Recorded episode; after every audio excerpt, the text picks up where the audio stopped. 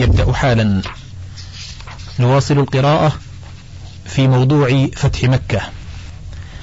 ثم خرج حتى أتى رسول الله صلى الله عليه وسلم. فكلمه فلم يرد عليه شيئا. ثم ذهب إلى أبي بكر فكلمه أن يكلم له رسول الله صلى الله عليه وسلم فقال ما أنا بفاعل. ثم أتى عمر بن الخطاب فكلمه فقال أنا أشفع لكم إلى رسول الله صلى الله عليه وسلم فوالله لو لم أجد إلا الذر لجاهدتكم به. ثم جاء فدخل على علي بن أبي طالب وعنده فاطمة وحسن غلام يدب بين يديهما. فقال يا علي إنك أمس القوم بي رحما وإني قد جئت في حاجة فلا أرجعن كما جئت خائبا. أشفع لي اشفع لي إلى محمد. فقال ويحك يا أبا سفيان والله لقد عزم رسول الله صلى الله عليه وسلم على أمر ما نستطيع أن نكلمه فيه.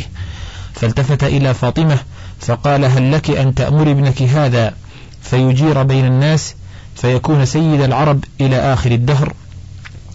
قالت والله ما يبلغ ابني ذاك أن يجير بين الناس وما يجير أحد على رسول الله صلى الله عليه وسلم. قال يا أبا الحسن إني أرى الأمور قد اشتدت علي فانصحني. قال والله ما أعلم لك شيئا يغني عنك ولكنك سيد بني كنانة فقم فأجر بين الناس ثم الحق بأرضك. قال أو ترى ذلك مغنيا عني شيئا؟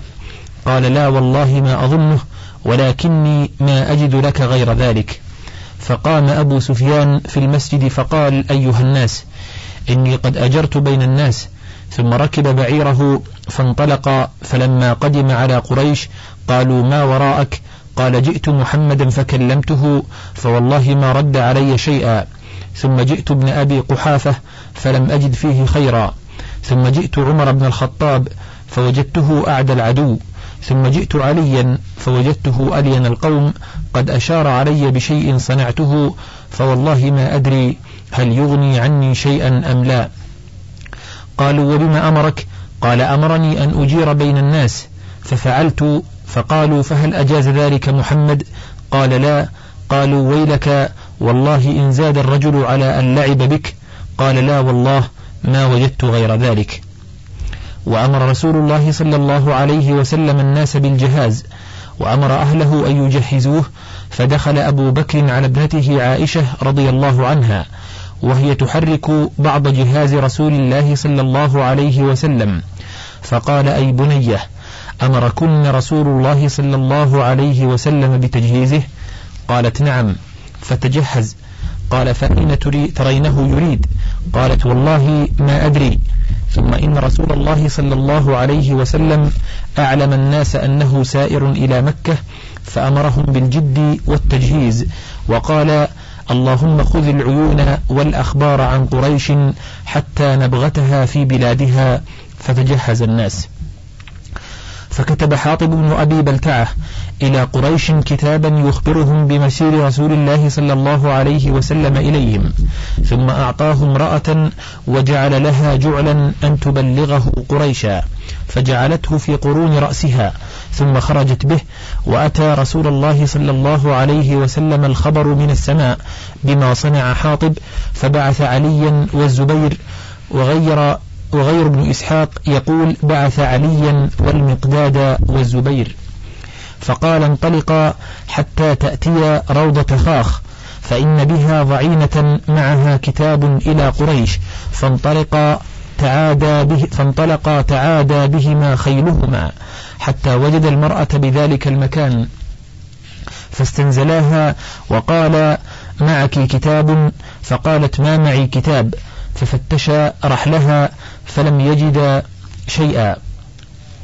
فقال لها علي رضي الله عنه أحلف بالله ما كذب رسول الله صلى الله عليه وسلم ولا كذبنا.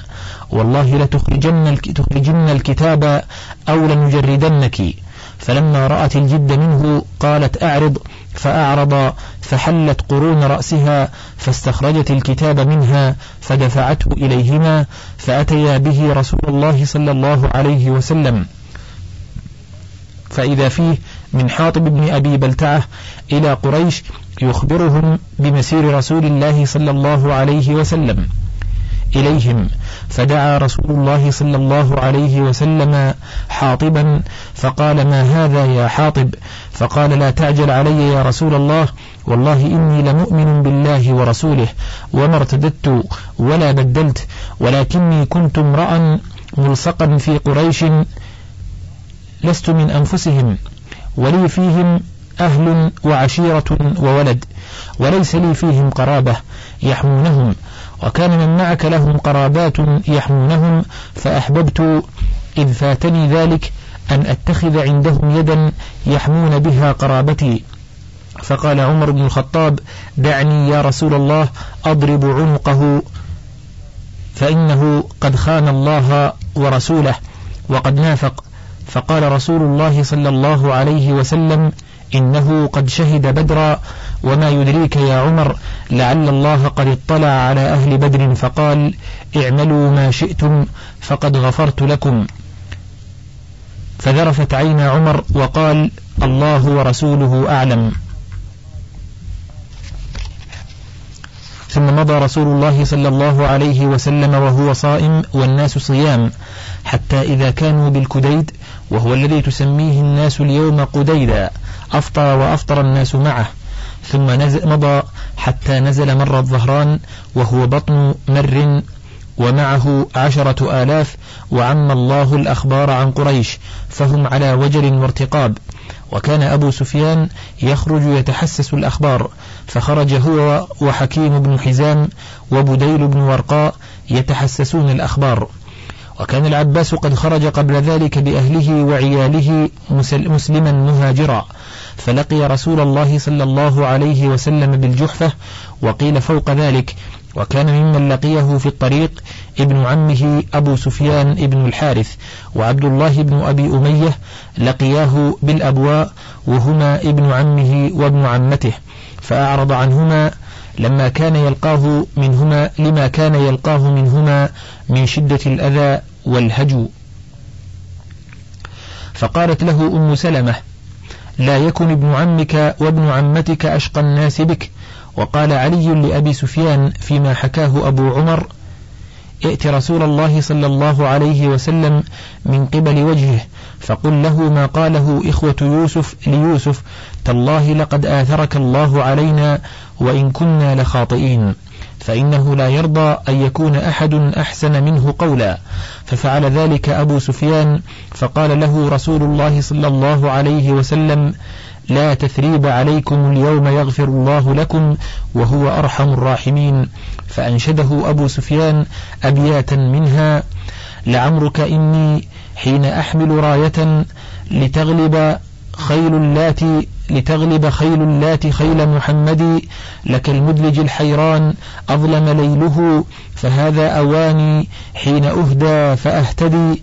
هداني هاد غير نفسي ودلني على الله من طردت كل مطردي فضرب رسول الله صلى الله عليه وسلم صدره وقال أنت طردتني كل مطرد. وحسن إسلامه بعد ذلك. ويقال إنه ما رفع رأسه إلى رسول الله صلى الله عليه وسلم منذ أسلم حياء منه. وكان رسول الله صلى الله عليه وسلم يحبه وشهد له بالجنة. وقال أرجو أن يكون خلفا من حمزة. ولما حضرته الوفاة قال لا تبكوا علي فوالله ما نطقت بخطيئة منذ أسلمت.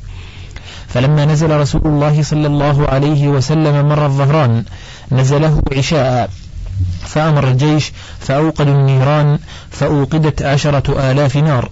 وجعل رسول الله صلى الله عليه وسلم على الحرس عمر بن الخطاب رضي الله عنه. وركب العباس بغلة رسول الله صلى الله عليه وسلم البيضاء وخرج يلتمس لعله يجد بعض الحطابة أو أحدا يخبر قريشا ليخرجوا ليستأمنوا ليستأمنون رسول الله صلى الله عليه وسلم قبل أن يدخلها عنوة قال والله إني لأسير عليها.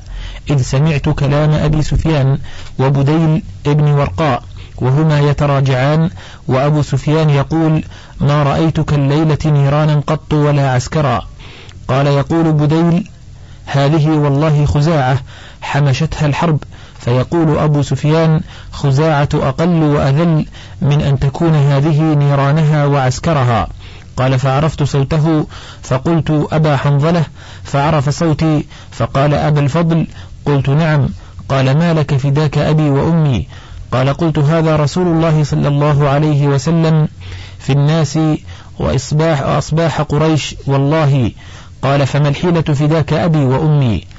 قلت والله لئن ظفر بك ليضربن عنقك. فاركب في عجز هذه البغلة حتى آتي بك رسول الله صلى الله عليه وسلم فأستأمنه لك. فركب خلفي ورجع صاحباه. قال فجئت به. فكلما مررت به على نار من نيران المسلمين قالوا من هذا؟ فإذا رأوا بغلة رسول الله صلى الله عليه وسلم وأنا عليها قالوا عم رسول الله صلى الله عليه وسلم على بغلته حتى مررت بنار عمر ابن الخطاب فقال من هذا وقام إلي فلما رأى أبا سفيان على عجز الدابة قال أبو سفيان عدو الله الحمد لله الذي أمكن منك بغير عقد ولا عهد. ثم خرج يشتد نحو رسول الله صلى الله عليه وسلم وركضت البغلة فسبقت فاقتحمت عن البغلة فدخلت على رسول الله صلى الله عليه وسلم. ودخل عليه عمر فقال يا رسول الله هذا أبو سفيان فدعني أضرب عنقه. قال قلت يا رسول الله إني قد أجرته. ثم جلست إلى رسول الله صلى الله عليه وسلم فأخذت برأسه فقلت والله لا يناجيه الليلة أحد دوني. فما, فلم فما فلما أكثر عمر في شأنه قلت مهلا يا عمر فوالله لو كان من رجال بني عدي بن كعب ما قلت مثل هذا. قال مهلا يا عباس فوالله لإسلامك كان أحب إلي من إسلام الخطاب لو أسلم. وما بي إلا أني قد عرفت أن إسلامك كان أحب إلى رسول الله صلى الله عليه وسلم. من إسلام الخطاب. فقال رسول الله صلى الله عليه وسلم اذهب به يا عباس إلى رحلك فإذا أصبحت فأتني به. فذهبت فلما أصبحت غدوت به إلى رسول الله صلى الله عليه وسلم. فلما رآه رسول الله صلى الله عليه وسلم قال ويحك يا أبا سفيان ألم يأن لك أن تعلم أن لا إله إلا الله؟ قال بأبي أنت وأمي ما أحلمك وأكرمك وأوصلك. لقد ظننت أن لو كان مع الله إله غيره لقد أغنى شيئا بعد. قال ويحك يا أبا سفيان ألم يأني لك أن تعلم أني رسول الله؟ قال بأبي أنت وأمي ما أحلمك وأكرمك وأوصلك. أما هذه فإن في النفس حتى الآن منها شيئا.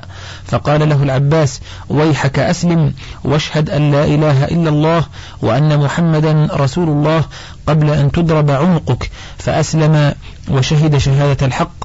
فقال العباس يا رسول الله إن أبا سفيان رجل يحب الفخر فاجعل له شيئا.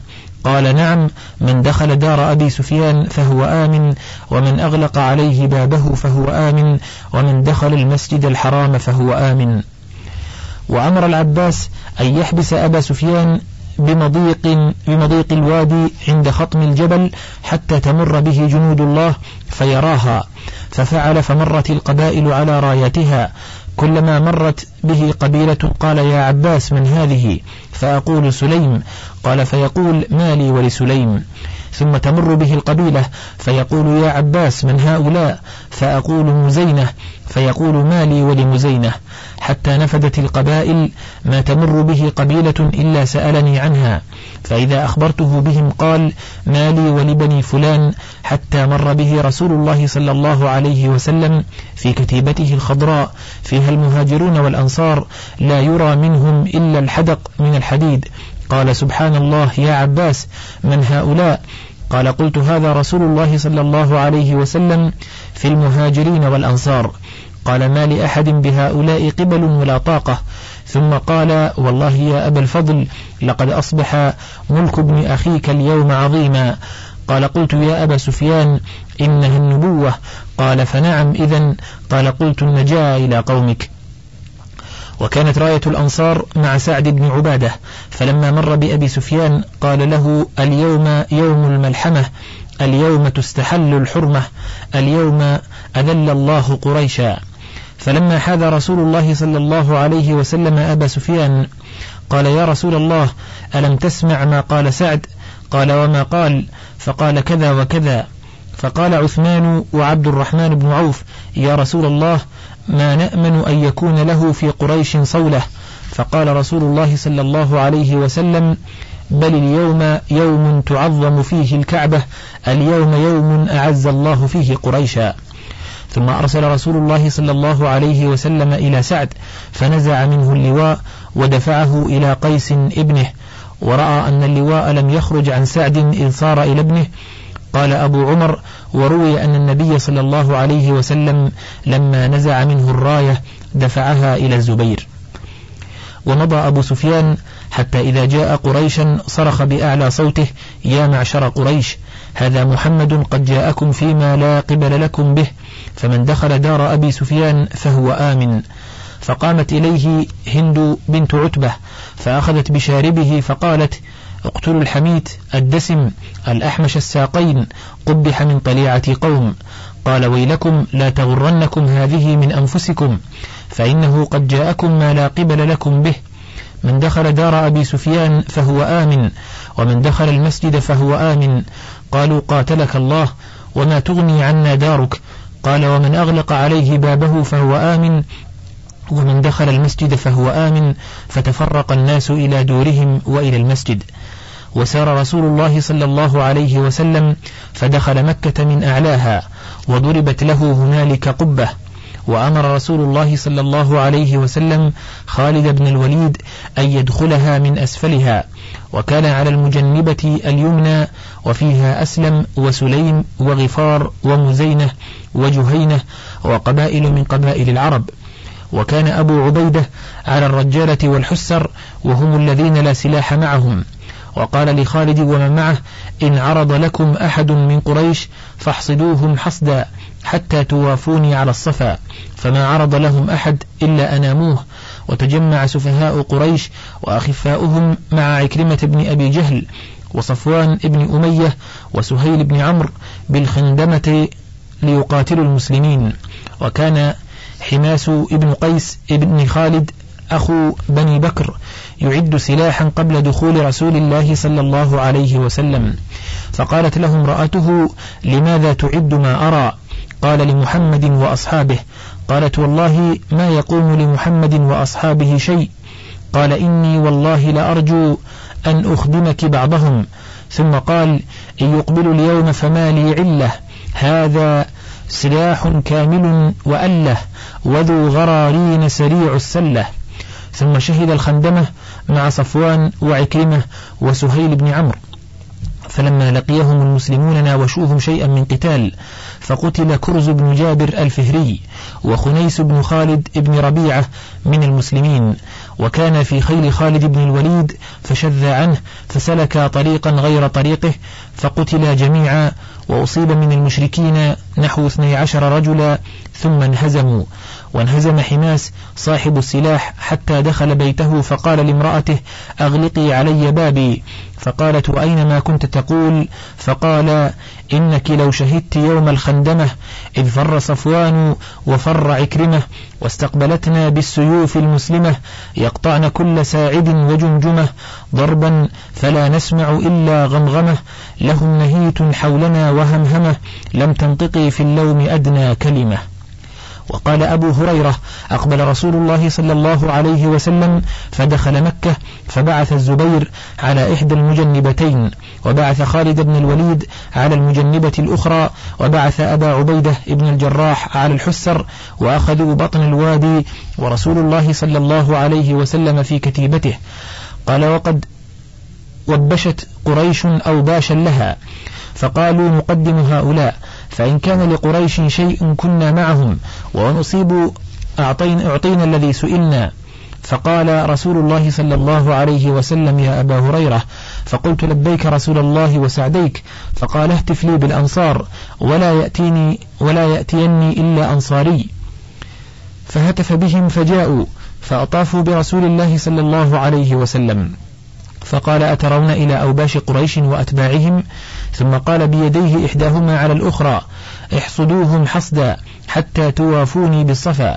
فانطلقنا فما يشاء أحد منا أن يقتل منهم إلا شاء وما أحد منهم وجه إلينا شيئا.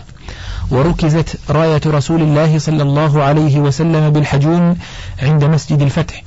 ثم نهض رسول الله صلى الله عليه وسلم والمهاجرون والأنصار بين يديه وخلفه وحوله حتى دخل المسجد فأقبل إلى الحجر الأسود فاستلمه ثم طاف بالبيت وفي يده قوس وحول البيت وعليه ثلاثمائة وستون صنما فجعل يطعنها بالقوس ويقول جاء الحق وزهق الباطل إن الباطل كان زهوقا جاء الحق وما يبدئ الباطل وما يعيد والأصنام تتساقط على وجوهها وكان طوافه على راحلته ولم يكن محرما يومئذ فاقتصر على الطواف فلما أكمله دعا عثمان بن طلحة فأخذ منه مفتاح الكعبة فأمر بها ففتحت فدخلها فرأى فيها الصور ورأى فيها صورة إبراهيم وإسماعيل يستقسمان بالأزلام فقال قاتلهم الله والله إن استقسما بها قط.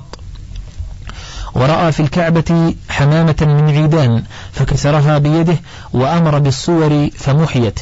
ثم أغلق عليه الباب وعلى أسامة وبلال فاستقبل الجدار الذي يقابل الباب حتى إذا كان بينه وبينه قدر ثلاثة أذرع. وقف وصلى هناك ثم دار في البيت وكبر في نواحيه ووحد الله ثم فتح الباب وقريش قد ملأت المسجد صفوفا ينتظرون ماذا يصنع. فأخذ بعضادتي الباب وهم تحته فقال لا إله إلا الله وحده لا شريك له صدق وعده ونصر عبده وهزم الأحزاب وحده. ألا كل مأثرة ألا كل مأثرة أو مال أو دم فهو تحت, تحت قدمي هاتين إلا سدانة البيت وسقاية الحاج ألا وقتل الخطأ شبه العمد السوط والعصا. ففيه الدية مغلظة مئة من الإبل أربعون منها في بطونها أولادها. يا معشر قريش إن الله قد أذهب عنكم نخوة الجاهلية وتعظمها بالآباء الناس من آدم وآدم من تراب. ثم تلا هذه الآية يا أيها الناس إنا خلقناكم من ذكر وأنثى وجعلناكم شعوبا وقبائل لتعارفوا إن أكرمكم عند الله أتقاكم إن الله عليم خبير. ثم قال يا معشر قريش ما ترون أني فاعل بكم؟ قالوا خيرا أخ كريم وابن أخ كريم. قال فإني أقول لكم كما قال يوسف لإخوته لا تثريب عليكم اليوم اذهبوا فأنتم الطلقاء. ثم جلس في المسجد فقام إليه علي رضي الله عنه ومفتاح الكعبة في يده فقال يا رسول الله اجمع لنا الحجابة مع السقاية صلى الله عليك. فقال رسول الله صلى الله عليه وسلم أين عثمان بن طلحة؟ فدعي له فقال له هاك مفتاحك يا عثمان اليوم يوم بر ووفاء. وذكر ابن سعد في الطبقات عن عثمان بن طلحة قال كنا نفتح الكعبة في الجاهلية يوم الاثنين والخميس فأقبل رسول الله صلى الله عليه وسلم يوما يريد أن يدخل الكعبة مع الناس فأغلظت له ونلت منه فحلم عني ثم قال يا عثمان لعلك سترى هذا المفتاح يوما بيدي أضعه حيث شئت فقلت لقد هلكت قريش يومئذ وذلت. فقال بل عمرت وعزت يومئذ ودخل الكعبة فوقعت كلمته مني موقعا ظننت يومئذ أن الأمر سيصير إلى ما قال فلما كان يوم الفتح قال يا عثمان ائتني بالمفتاح فأتيته به فأخذه مني ثم دفعه إلي وقال خذوها خالدة تالدة لا ينزعها منكم إلا ظالم. يا عثمان إن الله استأمنكم على بيته فكلوا مما يصل إليكم من هذا البيت بالمعروف. قال فلما وليت ناداني فرجعت إليه فقال ألم يكن الذي قلت لك قال فذكرت قوله لي بمكة قبل الهجرة لعلك سترى هذا المفتاح بيدي أضعه حيث شئت فقلت بلى أشهد أنك رسول الله. وذكر سعيد بن المسيب أن العباس تطاول يومئذ لأخذ المفتاح في رجال من بني هاشم فرده رسول الله صلى الله عليه وسلم إلى عثمان بن طلحة. وأمر رسول الله صلى الله عليه وسلم بلالا أن يصعد فيؤذن على الكعبة وأبو سفيان بن حرب وعتاب ابن أسيد والحارث بن هشام وأشراف قريش جلوس بفناء الكعبة. فقال عتاب لقد أكرم الله أسيدا ألا يكون سمع هذا فيسمع منه ما يغيظه فقال الحارث أما والله لو أعلم أنه حق لاتبعته. فقال أبو سفيان أما والله لا أقول شيئا لو تكلمت لأخبرت عني هذه الحصباء فخرج عليهم النبي صلى الله عليه وسلم فقال لهم قد علمت الذي قلتم ثم ذكر ذلك لهم. فقال الحارث وعتاب نشهد أنك رسول الله والله ما اطلع على هذا أحد كان معنا فنقول أخبرك. فصل. ثم دخل رسول الله صلى الله عليه وسلم دار أم هانئ بنت أبي طالب فاغتسل وصلى ثمان ركعات في بيتها. وكانت ضحى فظنها من ظنها صلاة الضحى وإنما هذه صلاة الفتح. وكان أمراء الإسلام إذا فتحوا حصنا أو بلدا صلوا, صلوا عقيب الفتح هذه الصلاة اقتداء برسول الله صلى الله عليه وسلم. وفي القصة ما يدل على أنها بسبب الفتح شكرا لله عليه فإنها قالت ما رأيته صلاها قبلها ولا بعدها.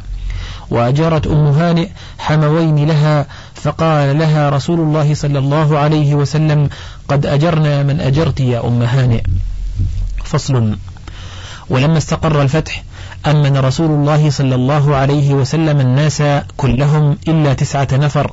فإنه أمر بقتلهم وإن وجدوا تحت أستار الكعبة وهم عبد الله بن سعد بن أبي سرح وعكرمة بن أبي جهل وعبد العزى بن خطل والحارث بن نفيل بن وهب ومقيس بن صبابة وهبار بن الأسود وقينتان لابن ابن خطل كانتا تغنيان بهجاء رسول الله صلى الله عليه وسلم وسارة مولاة لبعض بني عبد المطلب.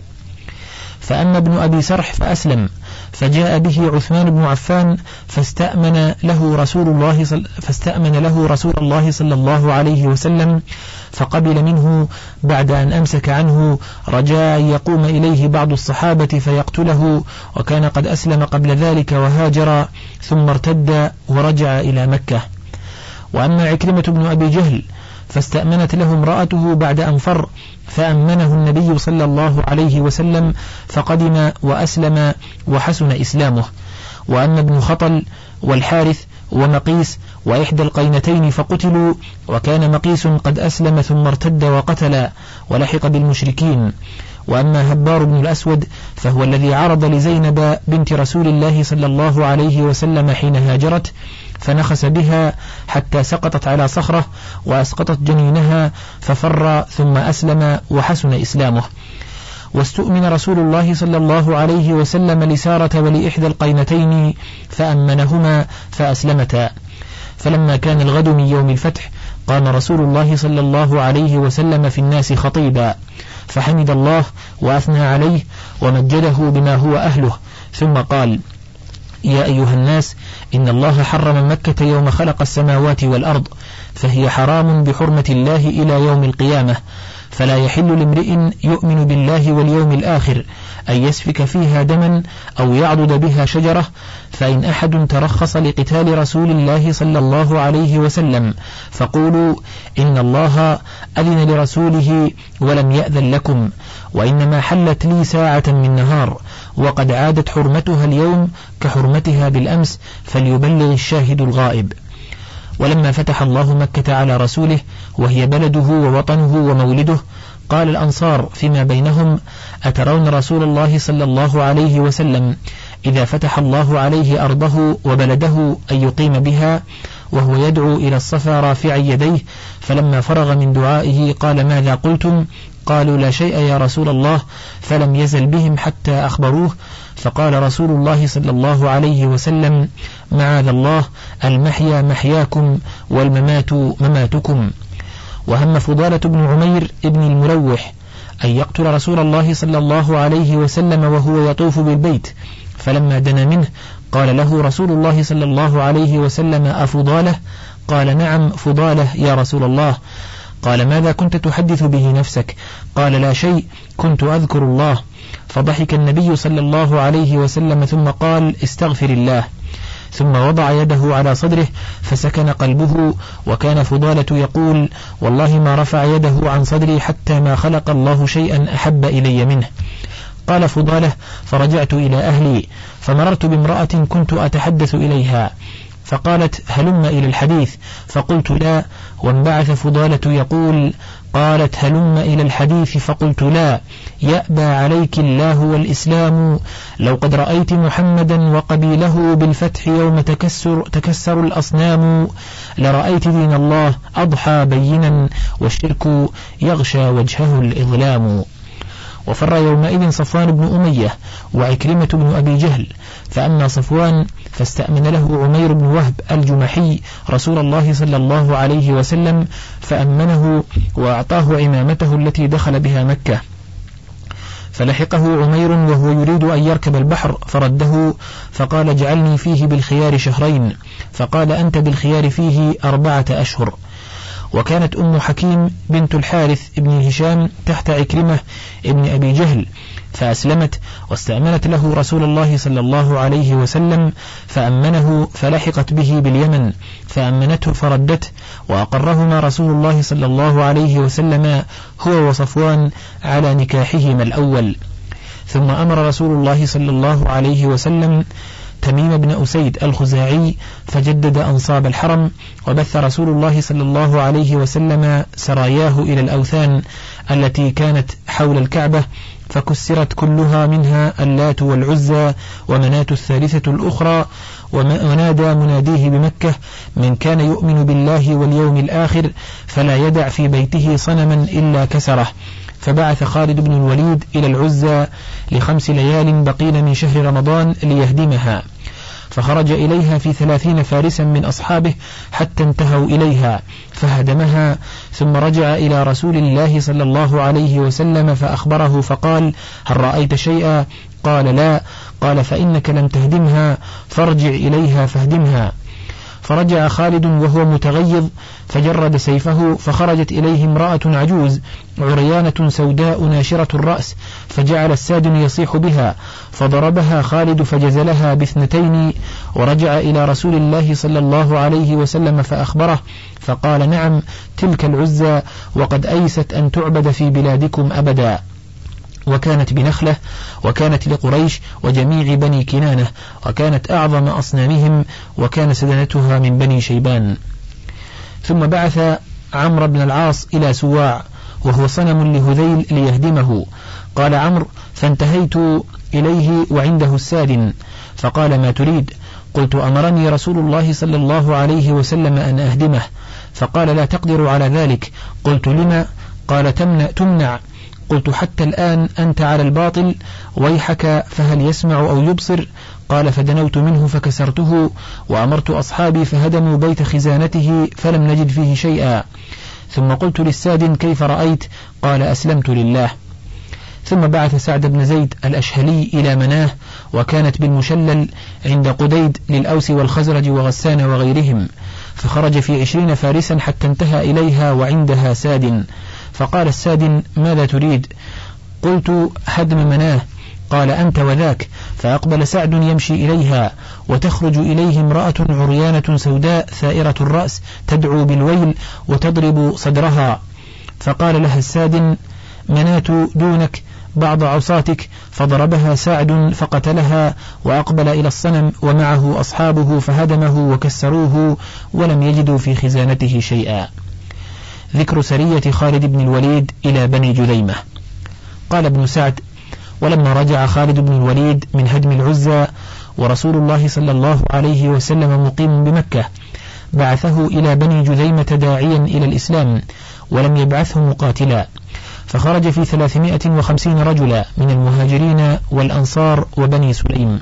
فانتهى إليهم فقال ما أنتم؟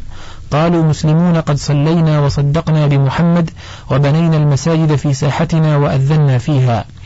قال فما بال السلاح عليكم؟ قالوا إن بيننا وبين قوم من العرب عداوة فخفنا أن تكونوا هم وقد قيل إنهم قالوا صبأنا ولم يحسنوا أن يقولوا أسلمنا. قال فضعوا السلاح فوضعوه فقال لهم استأسروا فاستأسر القوم فأمر بعضهم فكتف بعضا وفرقهم في أصحابه فلما كان في السحر نادى خالد بن الوليد من كان معه أسير فليضرب عنقه فأما بنو سليم فقتلوا من كان في أيديهم. وأما المهاجرون والأنصار فأرسلوا أسراهم فبلغ النبي صلى الله عليه وسلم ما صنع خالد فقال اللهم إني أبرأ إليك مما صنع خالد وبعث عليا يودي لهم قتلاهم وما ذهب منهم. وكان بين خالد وعبد الرحمن بن عوف كلام وشر في ذلك فبلغ النبي صلى الله عليه وسلم فقال مهلا يا خالد دع عنك أصحابي فوالله لو كان لك أحد ذهبا ثم أنفقته في سبيل الله ما أدركت غدوة رجل من أصحابي ولا روحته. فصل. وكان حسان بن ثابت رضي الله عنه قد قال في عمرة الحديبية عفت ذات الأصابع فالجواء إلى عذراء منزلها خلاء ديار من بني الحسحاس قفر تعفيها الروامس والسماء وكانت لا يزال بها أنيس خلال مروجها نعم وشاء فدع هذا ولكن من لطيف يؤرقني إذا ذهب العشاء لشعثاء التي قد تيمته فليس لقلبه منها شفاء كأن خبيئة من بيت رأس يكون مزاجها عسل وماء إذا ما الأشربات ذكرن يوما فهن لطيب الراح الفداء. نوليها الملامة إن ألمنا. إذا ما كان مغث أو لحاء ونشربها فتتركنا ملوكا وأسدا ما ينهنهنا اللقاء. عدنا خيلنا إن لم تروها. تثير النقع موعدها كداء. ينازعن الأعنة مسعدات على أكتافها الأسل الظماء تظل جيادنا متمطرات تلطمهن بالخمر النساء فإما تعرضوا عنا اعتمرنا وكان الفتح وانكشف الغطاء وإلا فاصبروا لجلاد يوم يعز الله فيه من يشاء وجبريل رسول الله فينا وروح القدس ليس له كفاء. وقال الله قد أرسلت عبدا يقول الحق إن نفع البلاء شهدت به فقوموا صدقوه فقلت لا نقوم ولا نشاء وقال الله قد سيرت جندا هم الأنصار عرضتها اللقاء لنا في كل يوم من معد سباب أو قتال أو هجاء فنحكم بالقوافي من هجانا ونضرب حين تختلط الدماء. ألا أبلغ أبا سفيان عني مغلغلة فقد برح الخفاء بأن سيوفنا تركتك عبدا وعبد الدار سادتها الإماء هجوت محمدا فأجبت عنه وعند الله في ذاك الجزاء أتهجوه ولست له بكفء فشركما لخيركما الفداء هجوت مباركا برا حنيفا أمين الله شيمته الوفاء أمن يهجو رسول الله منكم ويمدحه وينصره سواء. فإن أبي ووالده وعرضي لعرض محمد منكم وقاء لساني صارم لا عيب فيه وبحري لا تكدره الدلاء. فصل في الإشارة إلى ما في الغزوة من الفقه واللطائف.